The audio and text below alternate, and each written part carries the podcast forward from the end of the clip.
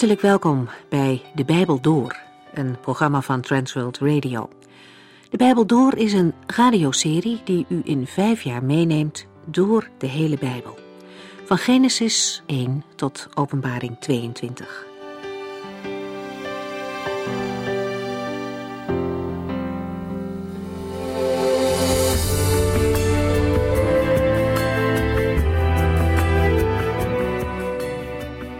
Wij zijn in deze serie bezig met de brief aan de Efeziërs. Heeft u een aflevering gemist, belt u dan met 0342 478432.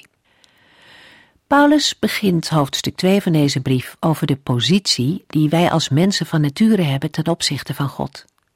En dat ziet er niet best uit. Van nature leeft ieder mens zonder God en gaat zijn eigen gang. Het gevolg is dat iedereen ook te maken krijgt met de boosheid van God, met zijn oordeel. In de vorige afleveringen hebben we hierbij stilgestaan. En dan volgt er een grote maar van Paulus. Het betoog eindigt hier niet, nee, het is eigenlijk een inleiding op wat Paulus echt kwijt wil. Hij wil vertellen over God, die het er niet bij liet zitten. Maar God, zegt Paulus, Gods liefde voor ons was zo groot dat Hij ons volledige vrijspraak geeft van alle overtredingen die we tegen Hem hebben begaan. God maakt ons met Christus levend. Het is alleen op basis van Zijn genade. Het is een geschenk uit liefde. En geen mens kan of hoeft daar ook maar iets voor te doen. Wij mogen met Christus leven. En dan komt er nog iets bij. We hebben met Christus ook een plaats gekregen in de hemel of anders gezegd, in de hemelse gewesten, daar waar God is. In deze brief komt die uitdrukking verschillende malen terug. De hemel bestaat uit verschillende lagen. In de bovenste hemel zetelt God en de Heer Jezus zit daar aan zijn rechterhand. En bij deze hemelse gewesten kunnen we denken aan de derde hemel, die Paulus ook in 2 Corinthiërs 12 noemt. In deze hemelse gewesten vindt ook de geestelijke strijd plaats. Boze machten proberen vanaf hier hun invloed op aarde uit te oefenen. En in deze hemelse plek hebben we dus als christenen ook een plaats. Volgens hoofdstuk 1 vinden we hier geestelijke zegen. En volgens hoofdstuk 6 doen we hier mee in de geestelijke strijd. We zijn ons er misschien niet altijd zo van bewust, maar wat we doen en laten werkt ook in de geestelijke wereld wat uit. In Efeziërs 3 lezen we dat God zijn wijsheid aan de machten in de hemelse gewesten wil laten zien door de gemeente. De gemeente is niet alleen voor mensen een getuigenis van de Heere God, maar ook voor de onzichtbare machten.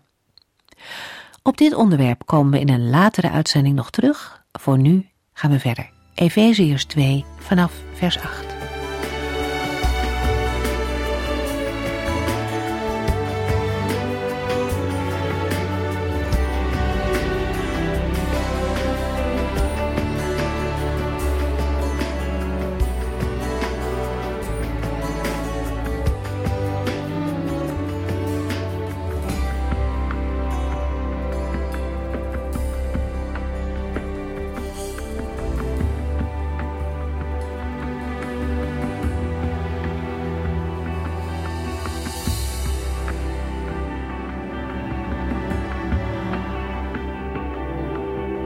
Vorige uitzending heeft Paulus in Efeziërs 2 vers 7 aangegeven hoe de Heere heeft laten zien hoe oneindig groot zijn goedheid is, namelijk door de persoon van Jezus Christus. De uitroep van de apostel Paulus in vers 5, wat een genade! Dat u gered bent is enkel en alleen genade van God, wordt in vers 8 en de volgende versen herhaald en uitgewerkt. De redding is alleen het gevolg van Gods genade. Maar die genade wordt ontvangen door middel van het geloof. Het geloof van een christen is enerzijds een gerichtheid op en een vertrouwen in Jezus Christus, maar anderzijds een volkomen overgave en gehoorzaamheid aan Hem. Geloof in Christus houdt automatisch in dat een mens inziet dat er geen andere mogelijkheid is om het met God in orde te maken en voor hem gerechtvaardigd te worden. Het was de grote ontdekking in het leven van Paulus zelf. In Filippenzen 3 vers 9 schrijft hij: Ik reken er niet meer op dat ik het met God in orde kan maken door het houden van allerlei wetten. Nee, daarvoor vertrouw ik nu op Christus. Hij maakt het goed tussen ons en God, als wij maar in Hem geloven. Het is geen eigen verdienste, maar een geschenk van God. Deze woorden verwijzen ook terug naar wat ervoor is gezegd. Onze redding is een geschenk van God, maar ook het geloof is een gave van Hem. Uit Hebreeën 3 vers 12 wordt duidelijk dat de mens deze gave in ongehoorzaamheid kan afwijzen. We lezen in Hebreeën 3 vers 12 en 13 Pas er dus voor op, broeders en zusters, dat geen van u slecht en ongelovig wordt, doordat hij zich in zijn hart van de levende God afkeert. U moet hier elke dag met elkaar over spreken, nu er nog de tijd voor is, want niemand van u mag zich door de betovering van de zonde laten verharden, zodat hij niet meer naar God luistert. Zoals we net al zagen, is geloof geen eigen verdienste, maar een geschenk van God. Niemand zal zich erop kunnen beroemen het zelf gepresteerd te hebben. De redding van een gelovige is niet verbonden met enige menselijke inspanning of prestatie. Redding kan ook niet worden verdiend met goed gedrag of het houden van de wet uit het Oude Testament. Er is geen mens in staat om Gods wetten voor de volle 100% te houden en na te leven. In Gelaten 2 vers 16 hebben we gelezen, maar wij weten dat niemand door God als rechtvaardig beschouwd kan worden door zich aan de Joodse wetten te houden. Dat kan wel door in Jezus Christus te geloven. Deze woorden zijn voor Paulus werkelijkheid geworden toen hij op de weg naar Damascus tot geloof kwam in Jezus Christus. In Gelaten 2 heeft Paulus dat ook geschreven. Ook wij konden door ons geloof in Christus Jezus met God in het reine komen en niet door de wet te houden. Het is uitgesloten dat iemand het met God in orde kan maken door de wet te gehoorzamen. Dit zijn opmerkelijke uitspraken voor iemand van Joodse afkomst. Ondanks zijn achtergrond, zijn Joodse opvoeding en gedegen opleiding als fariseer, was Paulus tot de conclusie gekomen dat alleen Jezus Christus hem kon redden. Zowel Joden als niet-Joden waren door overtredingen en zonde van nature onderworpen aan Gods toorn. Daarom is er voor geen enkel mens reden om zich te beroemen op eigen prestaties.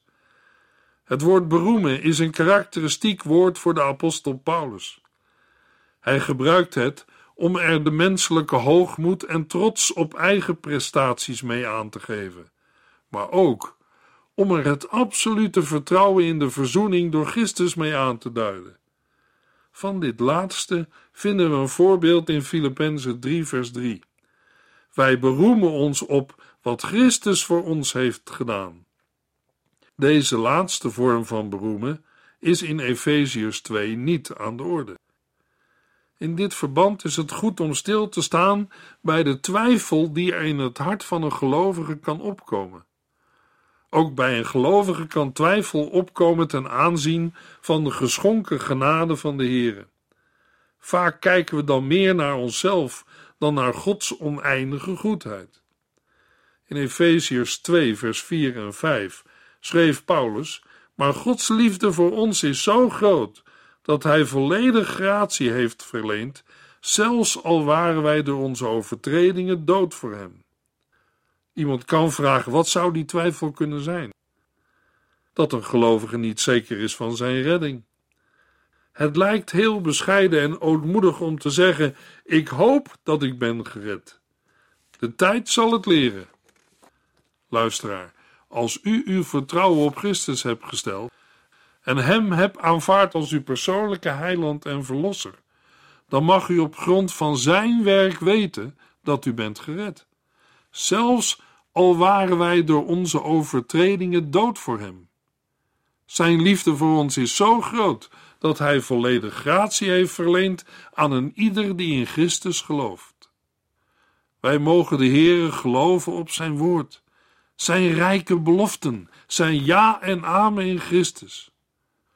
Als uw geliefde tegen u zegt: Ik hou van je, antwoord u dan ook met: Ik hoop dat het echt zo is. Het eerste wat daarna terug wordt gezegd is: Geloof je me niet? Met de apostel Paulus ben ik er zeker van dat God op de grote dag van Christus Jezus het goede werk dat hij onder u begonnen is, zal voltooien. U denkt toch niet dat de Heer een reddingsactie begint en dan halverwege afhaakt? Kinderen van God kunnen wel van hem wegdwalen, maar de Heer zal steeds roepen om terug te komen. Als u dan in ongehoorzaamheid blijft weigeren om naar zijn roepstem te luisteren, kunt u de Heere niet de schuld geven van uw verlorenheid. Nog steeds is de goede herder op zoek naar verloren schapen. In Matthäus 18, vers 11 zegt Jezus: Want ik, de mensenzoon, ben gekomen om hen die verloren gaan te redden. Veronderstel dat iemand honderd schapen heeft. Wat zal hij doen als één ervan wegloopt en verdwaalt? Zal hij dan niet de 99 anderen in de bergen achterlaten en op zoek gaan naar het ene dat verdwaald is? De Heere wil niet dat er een van zijn schapen verloren gaat. Zelfs al was u een verloren zoon of dochter. Vader staat op de uitkijk. U wordt verwacht. Op grond van zijn oneindige goedheid en genade. Onverdiend en niet waardig, maar in liefde geschonken. Efeziërs 2, vers 10. God heeft ons één gemaakt met Jezus Christus, met de bedoeling dat wij het goede zouden doen, want dat heeft Hij altijd al gewild. De gelovigen zijn in Christus Jezus een nieuwe schepping.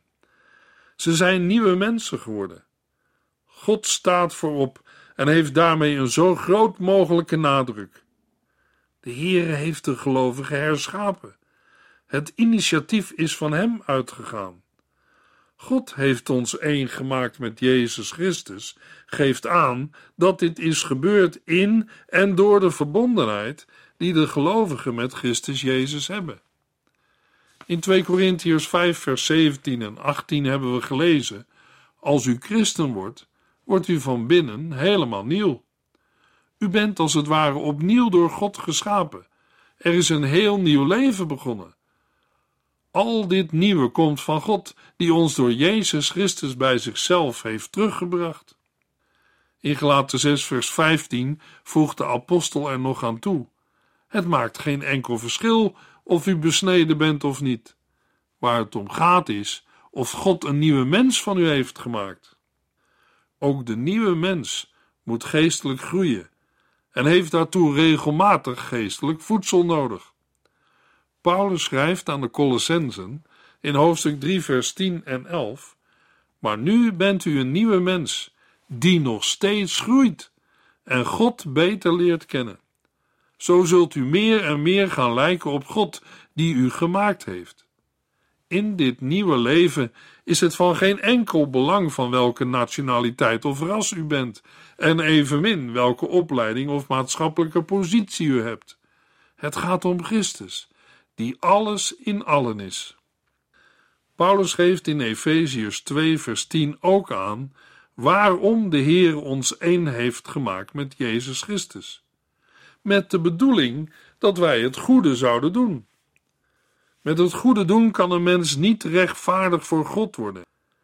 In vers 9 schrijft de apostel: Niemand zal zich erop kunnen beroemen het zelf gepresteerd te hebben.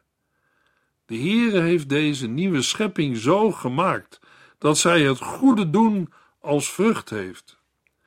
Mensen worden niet gered door goede werken, maar om goede werken voor te brengen. De nieuwe mens is rechtvaardig, heilig en gericht op het goede doen. Dat de Heere altijd al heeft gewild dat wij het goede zouden doen, hoeft niet in te houden dat iedere goede daad of handeling door hem is voorbeschikt. We zullen eerder moeten denken aan goede werken in het algemeen als vrucht van de nieuwe schepping, of, zoals Gelaten 5 vers 22 zegt, aan de Heilige Geest die ons tot betere dingen brengt. In Gelaten 5 gaat het over de vrucht van onze zondige natuur tegenover de vrucht van de Heilige Geest. Deze vrucht is door de Heere tevoren bepaald. Dat heeft Hij altijd al gewild. Wat een geweldige genade van God! Wij mensen hebben soms de neiging om in de liefde van God te blijven steken, waardoor de genade van de Heere naar de achtergrond schuift. Deze woorden lijken een beetje cryptisch, omdat wij mensen liefde en genade vaak laten samenvallen. Toch zijn het twee verschillende woorden die beide wel twee kanten van eenzelfde zaak verwoorden, maar niet hetzelfde zijn. Goddelijke liefde wil redden, maar de zonde kan niet ongestraft blijven. Daarom heeft de Heere onze zonde op Christus gelegd en is Hij in onze plaats gestorven. Zo is de Heer op een rechtvaardige manier in staat om in liefde zijn genade te tonen aan zondige mensen, die zijn genadegeschenk in Christus hebben aangenomen. Het is belangrijk om dit te zien. Een mens kan heel gemakkelijk denken: God is liefde, Hij laat mij niet verloren gaan, en vervolgens leeft de mens op oude voet door. Maar zo liggen de zaken niet. De Heere laat het evangelie van Jezus Christus in de wereld verkondigen. En de eigen verantwoordelijkheid van mensen is dat zij aan de boodschap van God gehoor geven. Uit hun nieuwe levenswandel zal blijken of zij ook werkelijk nieuwe mensen in Christus zijn. Het laatste onderwijs van de heiland aan zijn leerlingen vinden we in Johannes 15, vers 5. Ik ben de wijnstok en jullie zijn de ranken. Als jullie in mij blijven en ik blijf in jullie, brengen jullie veel vrucht voort. Iets verderop in vers 16 zegt Jezus er nog bij: Jullie hebben niet mij uitgekozen, maar ik heb jullie uitgekozen. Ik heb jullie aangewezen om erop uit te gaan en blijvende vrucht voort te brengen, zodat mijn Vader jullie alles zal geven wat jullie hem vragen in mijn naam. Ik draag jullie op van elkaar te houden. Ook dit laatste is vrucht van de Heilige Geest en een kenmerk van de nieuwe levenswandel. Zo mogen we zien dat Gods liefde voor alles de manifestatie van Zijn genade is. Geen automatisme, maar een geschenk dat aanvaard, aangepakt moet worden. Een cadeau dat u niet aanpakt, wordt nooit uw eigendom. Aan de andere kant zal iemand bij een cadeau nooit zeggen dat hij of zij het aan zichzelf te danken heeft. Nee, de gever wordt bedankt. Luisteraar, heeft u de Heere al gedankt voor zijn grote geschenk aan u, zijn zoon, Jezus Christus? Is het in uw leven al tot een persoonlijke aanvaarding van zijn geschenk gekomen? U zou dat vandaag in een gebed tot God kunnen doen. U of jij vindt dat moeilijk. U weet niet wat u bidden moet.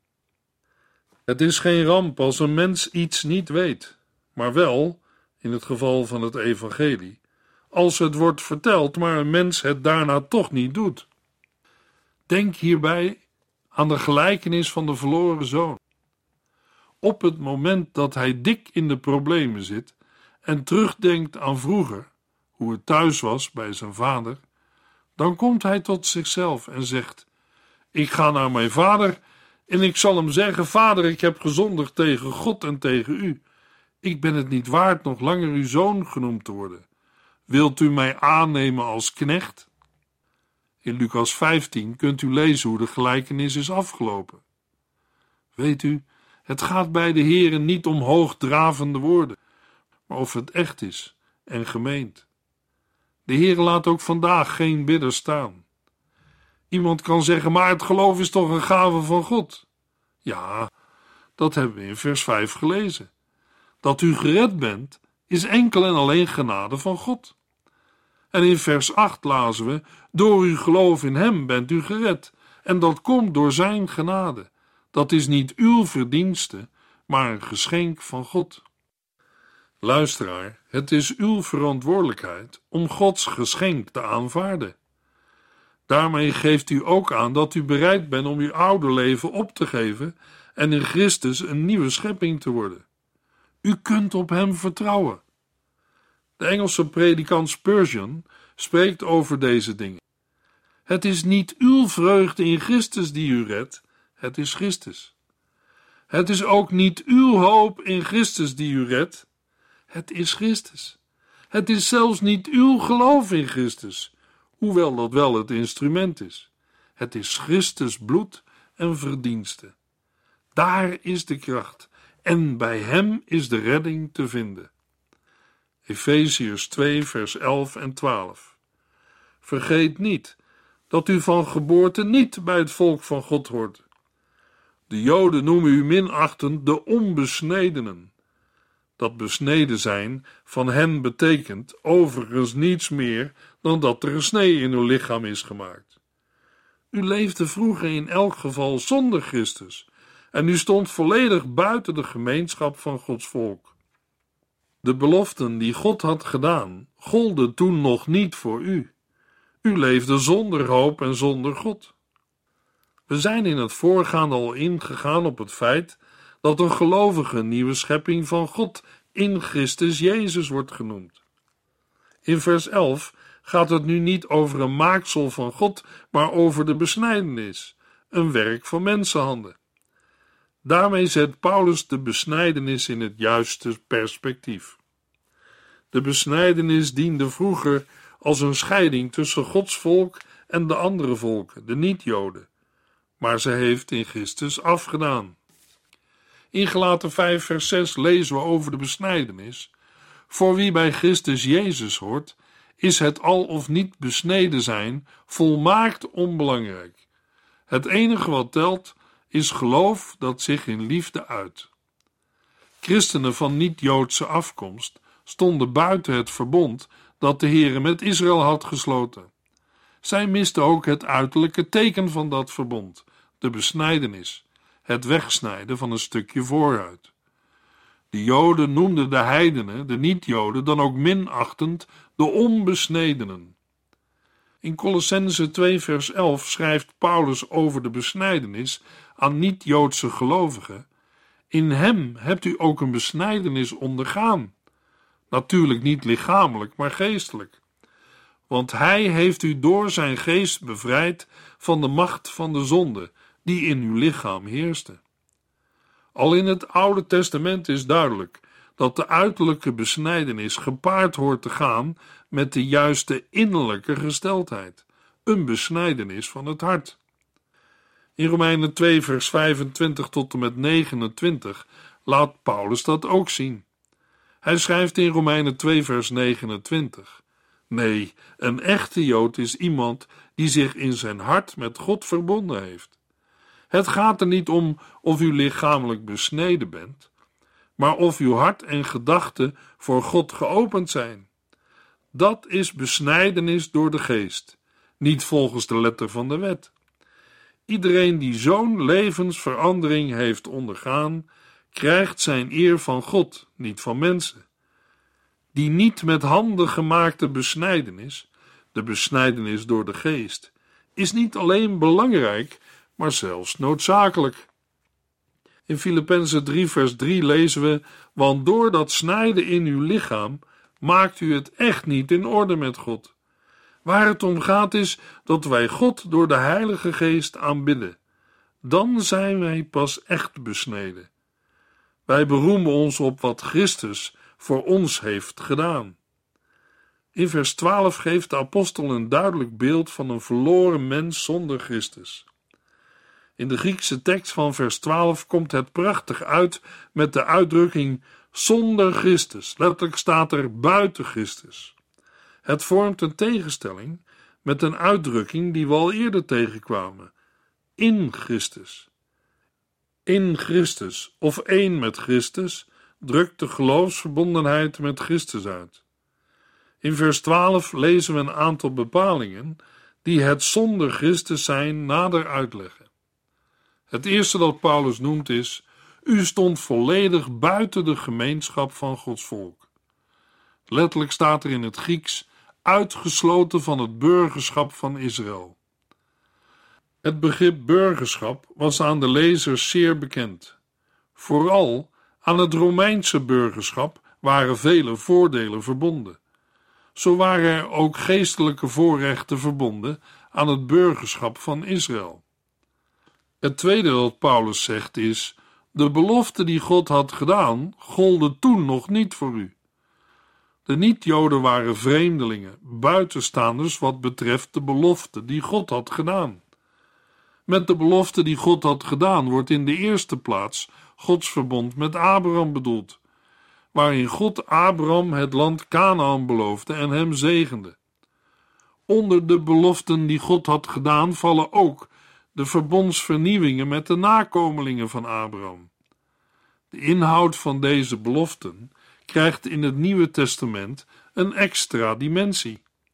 In Gelaten 3 vers 14 lezen we op die manier is door Christus Jezus de zegen van Abraham tot de andere volken gekomen en nu kunnen wij de Heilige Geest ontvangen door in God te geloven. Het derde aspect dat de apostel noemt van een verloren mens is: u leefde zonder hoop en zonder God. Bij hoop moeten we denken aan de hoop op de opstanding van de doden. Daarnaast hadden de heidenen vele goden gediend die niet meer dan afgoden waren. Daarom schrijft Paulus ook zonder God. Efeziërs 2 vers 13 Maar nu u één met Christus bent, is er geen afstand meer tussen Gods volk en u. Doordat Christus zijn leven en zijn bloed voor u heeft gegeven, bent u dichtbij gekomen. Vroeger waren de heidenen zonder Christus en daarom ver van God zijn belofte en zijn volk. Nu zijn ze één met Christus door het geloof en daarom dicht bij God, zijn belofte en zijn volk. Eén met Christus zijn de gelovigen van niet-Joodse afkomst ook verbonden met de gelovigen uit Israël. Dat is mogelijk geworden door het verzoenend sterven van Jezus Christus aan het kruis. In de volgende uitzending lezen we Efeziërs 2, vers 14 tot en met 22.